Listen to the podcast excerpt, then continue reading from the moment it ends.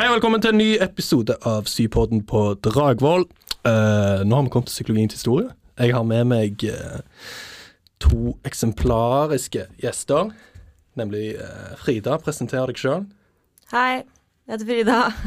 Jeg går andreåret bachelor Ja, på psykologi. kjempegøy. Og du da, Elisabeth. Ja, jeg heter Elisabeth. Jeg går tredje år profesjon.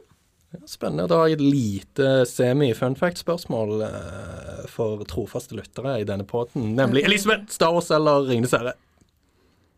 Ringenes herre. Åh, Frida. Å gud, ingen av delene. Helt likt som Helene. Helt likt som Helene. Så for de som har fulgt med fra første episode, her er det ting som går igjen. I denne episoden, dette er en basisepisode, da skal vi snakke om sjelen, nemlig kapittel 1 og kapittel 2.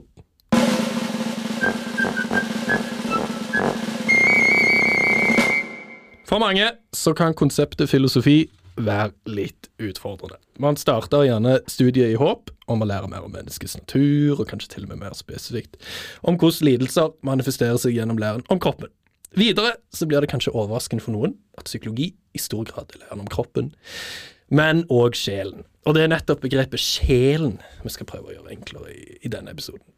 Førsteklassinger i psykologi her på NTNU blir slengt ut i en studiehverdag uten introduksjonsfaget Excel, noe som kan by på en utfordring. Excel er i mange institusjoner og regnes som et innføringsfag i kritisk tenkning, akademisk skriving, men ikke minst akademia i seg sjøl.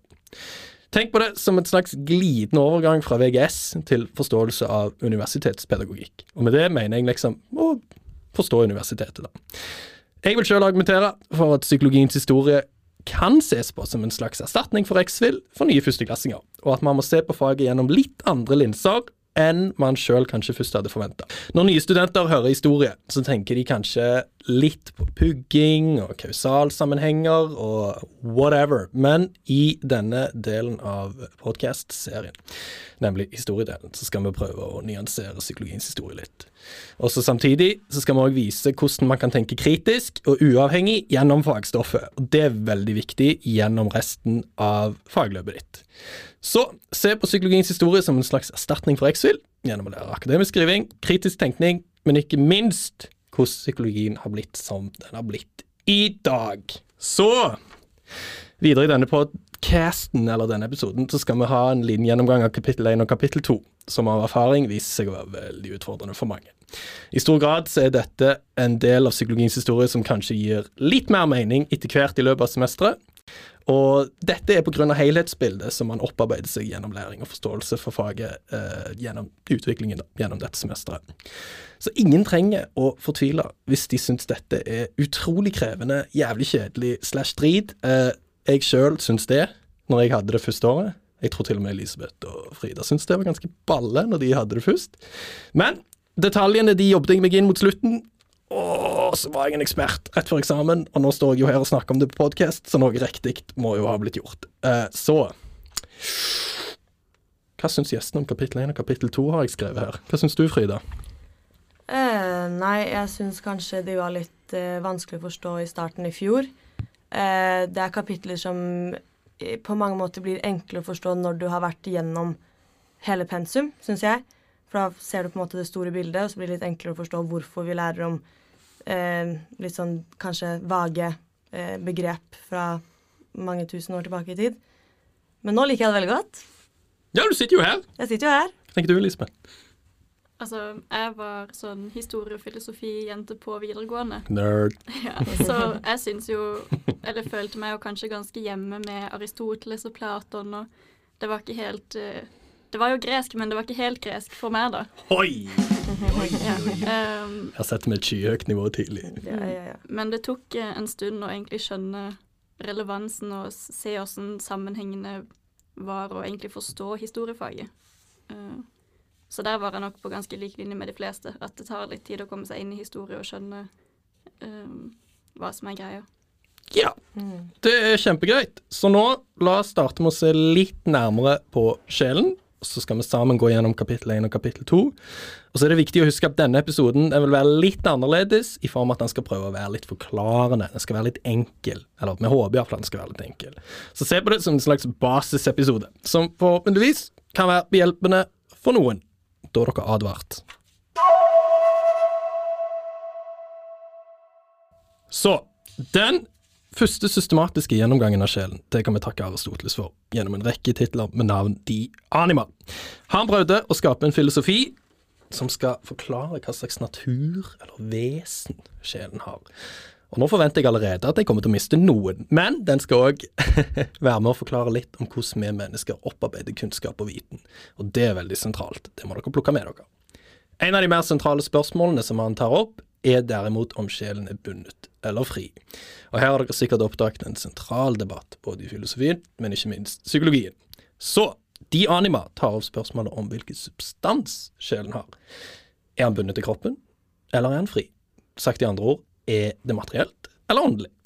Dette er to sentrale holdepunkter dere kan ta med dere i denne debatten. Så kort forklart kan man si følgende om den frie sjelen, dratt rett ut fra boka, altså. Den frie sjelen kan bevege seg midlertidig ut av legemet når man drømmer, eller befinner seg i ekstase. Bundet sjel, derimot, eller kroppssjelen, oppfattes som å være mer forklarende i retning av kroppens livskraft, eller kroppens livsprinsipp. Så denne formen kan ikke eksistere uavhengig av kroppen. Å forstå grunnprinsippene for ulikheten mellom disse to begrepene, altså fri og bundet sjel, er sentralt for å kunne gjøre opp en mening om psykologiens tidlige historie. Så tenk på disse to begrepene som holdepunkter, eller startpunkter for den videre utviklingen av psykologien. Var det klart? Er gjestene med? Ja. Innvendinger? Høres. Ja, Kjempegreit. Så, en videreføring fra det vi nevnte i startfasen om sjelen, kan være, eller vi kan òg overføres til debatten om den platonske versus den aristoteliske definisjonen av sjelsbegrepet. Og de har dere jo hørt om allerede, håper meg. Platon han hevder at sjelen har sin forankring og opprinnelse i en annen idéverden, ikke helt ulik tanken om den frie sjelen. Aristoteles han knytta sjelen til kroppen ved å hevde at sjelen er aktualiseringen av organismens potensialitet. Med andre ord så mente han at sjelen førte til en virkelig gjørelse av kroppens muligheter, nemlig det som skiller kroppen fra å være en død organisme. Og da har jeg et spørsmål til gjestene her. Hva tror dere blir lagt i den beskrivelsen? Teste, deg litt her, Elisabeth. Ja. eh, jeg tenker at man Eller at Aristoteles kan ha ment at sjelen skal være denne her livskraften, eksempel. Det som skiller et menneske fra å være eh, en stein, for eksempel. Um, men dette her er jo veldig sånn metafysisk, og, og det kan være vanskelig å forstå seg på sånne vanskelige teorier. Um, bare sånn som det. Men det er i hvert fall litt sånn det jeg har tenkt. Ja, det er jo en enkel forklaring, det. Å bare liksom prøve å beskrive noe som levende, i stor grad. Hva tenker du, Frida? Er du enig? Um, jeg falt litt ut her. Hva var spørsmålet? Vi Vi spurte litt om uh, altså at uh, Aristoteles mente at sjelen førte til en virkelig gjørelse av kroppens muligheter, nemlig det som skiller kroppen fra å være en død organisme. Hva tenker Ja. du når du hører denne her uh, litt metafysiske, filosofiske Mm, Nei, jeg tenker vel at det er et forsøk på å eh, skille kanskje det organiske og det anorganiske, da. Hva som er eh, spesielt med akkurat mennesket. Det er en veldig god beskrivelse. Så da fikk dere her først. Elisabeth, se på stein versus menneske. Frida, hva er det som gjør et menneske levende? um. Jeg kan jo bare si nå at mye av det vi beskriver her, er Vi velger å gå gjennom det fordi at vi vet at det er vanskelig for mange. Og dere kan få bruk for det på eksamen. Det er veldig viktig å påpeke. Det er ikke sikkert dere må bruke det på eksamen, men hvis det dukker opp, så håper vi at denne podkasten kan være med å hjelpe dere i å sette et par sånne holdepunkter hvis dere skal bruke det på eksamen. Og det er veldig god kunnskap om på eksamen. Definitivt. Så videre til det som ble nevnt, da, med dette med at uh, virkeliggjøring av kroppens muligheter i det. Så ved Aristoteles sjelsbegrep så følger det noen sentrale konsekvenser, og her snakker vi om bundet sjel. Ikke sant? Sjel og kropp er gjensidig avhengig av hverandre. Sjelen blir menneskets form, og uten form kan ikke mennesket leve. Litt det som Frida og Elisabeth var inne på. Og det kan igjen minne om bundet sjel. Kort oppsummert så ser man allerede her en debatt om fri versus bundet sjel gjennom to ulike filosofiske retninger, som begge også tar opp en debatt om det åndelige versus det materialistiske. Og det er et fokus hos Berit, hvis noen av dere har fått med dere det. Disse to retningene har stått som konkurrenter i europeisk idé- og sjelshistorie i et par tusen år. Samtidig så hadde den platonske retningen, nemlig frisjel, et psykologisk fortrinn ved at den egner seg til å kunne forklare konflikter, og dermed litt av konflikten eh, og dynamikken i menneskesinnet. Tenk dere en slags dragkamp mellom ånd og sjel, og at nemlig dette kunne forklare mye av menneskesinnet i en veldig lang periode. Og her snakker vi om perioden litt før middelalderen og i middelalderen. Det er veldig viktig å få med seg. Så ånden er villig, men kjødet er skrøpelig. Det står det i boka. Den platonske retningen fikk også gjennom dette en slags sånn teologisk fortrinn, fordi den lett kunne samkjøres med de kristne trosretninger. Og dette er veldig nyttig å få med seg. Teologi kan vi definere som følgende. Teologi er eh, refleksjon og systematisering av religiøse forestillinger. I kristendommen har teologien tradisjonelt blitt oppfattet som en vitenskap om Gud, hans egenskaper, verdensstyre og vilje, med åpenbaringen og fornuften som sine to kilder. Tusen takk, Store norske leksikon. Gjennom nyplatonismen og tenkeren Augustin så ble altså dette her platonske sjelsbegrepet det ble dominerende gjennom hele middelalderen via teologien. Fordi det teologien sa, det gjaldt, ergo her kristendommen. Alt dette er veldig fint å dra med seg, dersom dere skal ha noen gode holdepunkt i videre forståelse av utvikling av psykologien. Så Å, dette er kjekt. Jeg hører at de som hører på, koser seg. De bare har en vibb. De sitter på bussen på vei opp til Dragvoll, nyter det. Jeg kan bekrefte at Elisabeth og Frida de kjeder seg allerede, så her må jeg gasse opp. Um, yes. Videre, dette ble gjeldende helt fram til 1200-tallet, altså år 12 000, da en kjent herremann med navn Thomas Aquinius entret banen. Og Thomas Aquinius han reintroduserer aristoteliske sjelsoppfatninger i teologien og kristendommen gjennom hans mange verk. Han var utrolig produktiv, en av de mest produktive middelalderfilosofene, men det er ikke viktig. Så tomistisk filosofi, altså Thomas Aquinius sin egen filosofi, der blir sjelen igjen forenet med kroppen. sant? Man går fra det åndelige til det mer materialske. Ergo, man går fra fri til bundet sjel. Det kan vi takke Thomas Aquinas for. Og da blir sjelen igjen forent med kroppen, og ikke som en fange, som man før tenkte gjennom den platonske retningen. Sjelen ble igjen forent med kroppen, og den trenger å være forent for å kunne utføre sine funksjoner. Og her ser man konturen av en psykologihistorie som er viktig å få med seg. Så dere kan jo tenke litt sjøl gjennom semesteret. Men hvilken konsekvens får nettopp det at vi nå i teologien, altså på 1200-tallet, erstattet det tidligere sjelsbegrepet om fri sjel med nå bundet sjel? Spørsmålstegn. Det kan dere tenke litt på. Dette gir helt nye muligheter for hvordan man kan både definere og forklare menneskets natur, som ikke var så enkelt slash mulig gjennom en mer åndelig forklaringsrekke. Så for å kort oppsummere det jeg allerede har nevnt, kan vi si følgende. Platons syn og definisjon på sjelen dominerer hele middelalderen gjennom teologien, gjennom tenkeren Augustin så rundt år 12 000, eller år 1200, jeg vet ikke hvordan du sier det, 1200, blir Aristoteles gjennomtaker. Aquinas gjør han til en viktig tenker, òg for kirken, og det å få aksept av kirken var helt avgjørende for at tankegodset kunne bli akseptert. Så ergo teologien. Så Aristoteles før dette var ikke akseptert i teologien og kirken. Så dette nye øh, Tankegodset det skaper grunnlag for metafysikken fram til 1500-tallet. Metafysikk er et begrep som Elisabeth elsker veldig godt. Meg og Elisabeth var kollokvieledere sammen i fjor, og hun fikk alltid jobben med å ta for seg eh, metafysikk, tunge begreper, mens meg og Nils, en tidligere gjest, satt og hørte på og koste oss bak siden. Så dere må se om Elisabeth er enig i min definisjon her. Da. Så metafysikk det er det filosofiske studiet av det som ligger til grunn for virkeligheten. Eller det til grunneliggende for virkeligheten. Er du enig? Ja, men jeg tror at man kan gjøre det enklere enn det også. Eh, for ja, metafysikken, ja. den er rett og slett filosofer som spør seg sjøl hva er det vi kan si at er virkelig? Um, til forskjell fra f.eks. For epistemologi, som er uh, hva er kunnskap, så har man da metafysikk, som er hva er virkelig? Hva kan vi si at er virkelig? Derfor har vi Elisabeth med oss i dag. Med Frida nikker anerkjennende nede i hjørnet. Det samme gjør jeg. Ja, jeg anerkjenner. Kjempegreier. Og så med det, da, så kan dere sikkert lese litt sjøl på Sjelens ånd og natur i kapittel 1. Uh, men dere kan òg se litt på hvordan de flerfoldige filosofene som blir nevnt i sam samsvar med Aquinias, får sin påvirkning på definisjonen av sjelen og sjelens rolle både i teologien og psykologien. Så det å forstå hvordan sjelsbegrepet skiller seg fra et åndelig og materialistisk synspunkt, sånn som er nevnt litt her, samtidig som dere former dere rollen teologien hadde for å få akseptert tankegodset, så er dere inne på noe. Så forhåpentligvis så har denne her uh, smoothe gjennomgangen av sjelsbegrep uh, hjulpet dere litt med å forstå sjelsdebatten i det tidligste stadiet. Men nå skal vi se litt nærmere på vitalisme og dualisme-debatten.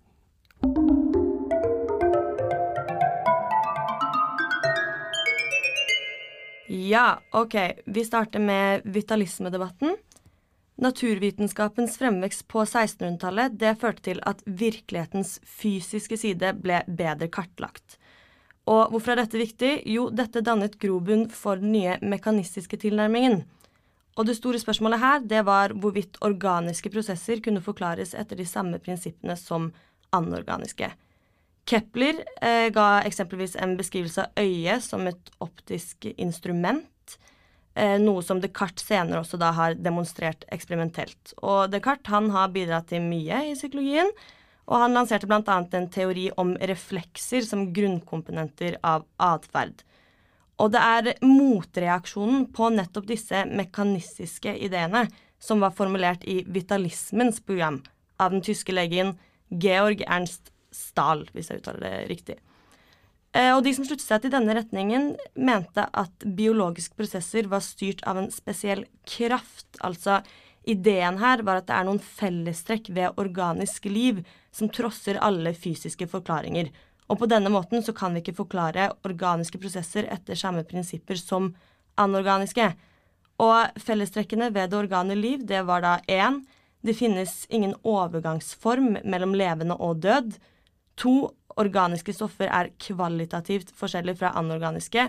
Hva mener vi det? Kvalitativt forskjellige? Jo, de, det er egenskaper og kjennetegn eh, som gjør at de skiller seg fra hverandre, og ikke snakk om antall her. Og nummer tre, organiske prosesser er målrettede. Eh, det var imidlertid den mekanistiske tilnærmingen som ble rådende rundt 1900-tallet. De mekanistiske forklaringene gjorde fremskritt, mens vitalistiske ikke gjorde det. Eh, men det kan også være nyttig å legge merke til da, at vitalistiske ideer har inspirert senere psykologi, som f.eks. gestaltpsykologien, som dere skal lære litt om senere, og Freud og psykoanalysen. Og i psykologien vi kjenner i dag, så kan vi spotte både mer eller mindre mekaniske og vitalistiske teorier.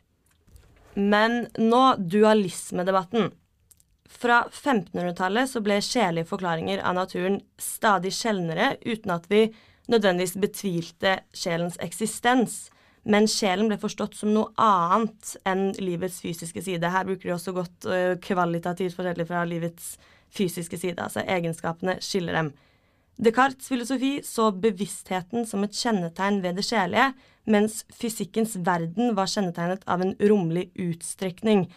Eh, hvordan skal vi forstå dette her? Eh, vi kan si at det vi vet, er det sjelige, og fysikkens verden er det rundt oss, enkelt forklart. Eh, og da vil vi gjerne trekke frem cogito ergo sum, som er et kjent sitat fra Descartes. Boken beskriver dette ordrett som uansett hva jeg tenker, er det hevet over tvil at jeg tenker. Og hvordan kan vi forstå dette? Jo, det eneste vi vet helt sikkert, er at vi tenker. Eh, så du kan betvile alt rundt deg, men du kan ikke tvile på nettopp det at du tviler. Eh, så spørsmålet i denne eh, debatten det omhandler samspillet mellom kropp og sjel, til tross for at de befinner seg på helt to ulike virkelighetsplan. Men Descartes han så en mulighet for en interaksjon der han trodde at kroppen kunne møte sjelen i et spesifikt punkt i hjernen. Og pensum presenterer to ulike tilnærminger til dette interaksjonsproblemet. Da har vi parallellistiske tilnærminger, som mente at sjelelige og kroppslige prosesser løper side om side, side om side, mens identitetsteorier antar at det dreier seg om to sider av samme sak. Så dette er på en måte en nyansering av dualismedebatten. Da. Uh, og her vil jeg særlig trekke frem den identitetstanken, fordi dette var den direkte foranledningen til et av de første eksperimentalpsykologiske forskningsprosjektene utført av Feshner Feshners avhandling om uh, psykofysikken, 1860, tror jeg, tar for seg nettopp uh, forholdet mellom det fysiske og den psykiske virkelighet, og mente å kunne bevise identitet gjennom at endringer i den sensoriske opplevelsen svarer til den fysiske påvirkningen, påvirkningen som frembakte nettopp den, sensorik, den, sensoriske opplevelsen. Eh, så på denne måten så ser vi på en måte viktigheten av psykologiske tankespor helt tilbake til 1500-tallet, da, siden slike ideer har inspirert senere psykologi, som da for eksempel Feshner, som jeg nevnte her, og det igjen har vært viktigere for f.eks. at psykologien skal stå frem som egen vitenskap. Så det er litt sånne ting man etter hvert begynner å se, da, at vi snakker om litt abstrakte og kanskje uforståelige tanker fra flere tusen år tilbake, fordi det er veldig nyttig å se historien vår som eh, både flytende og overlappende. Tusen hjertelig takk, Frida, for uh, den nydelige gjennomgangen av vitalisme- og dualismedebatten. Bare hyggelig, det. Jeg tenker personlig så kan uh, studenten sjøl lese seg litt opp det på uh, det siste. Hva er det det siste de skal lese seg opp på? Det er materialismen, hvor ble det av sjelen, og det positivt gitte, og sånn positivisme. Ja. Positivt ditt, hva var det du? Positivt ditte? Hva sa du? Hva var det du sa? Positivt ditte, sa jeg. Ja, ok, Positivisme. Ja. det kan dere lese dere opp litt sjøl. Eh, og så tar vi dere med noen av de holdepunktene som jeg og Frida har gitt dere her fra kapittel 1. Så forhåpentligvis så har dere litt å gå på. Og eh, jeg tenker at det er spørsmål, eksempel forklare når psykologien står fram som sin egen vitenskap, og kanskje litt om psykologiens fremvekst fra 1500 til nå, og psykologibegrepet i betydning. Det er sånne type eksamensoppgaver dere kan finne, der mye av dette kan passe inn. Så med det, tusen hjertelig takk for at dere hørte på.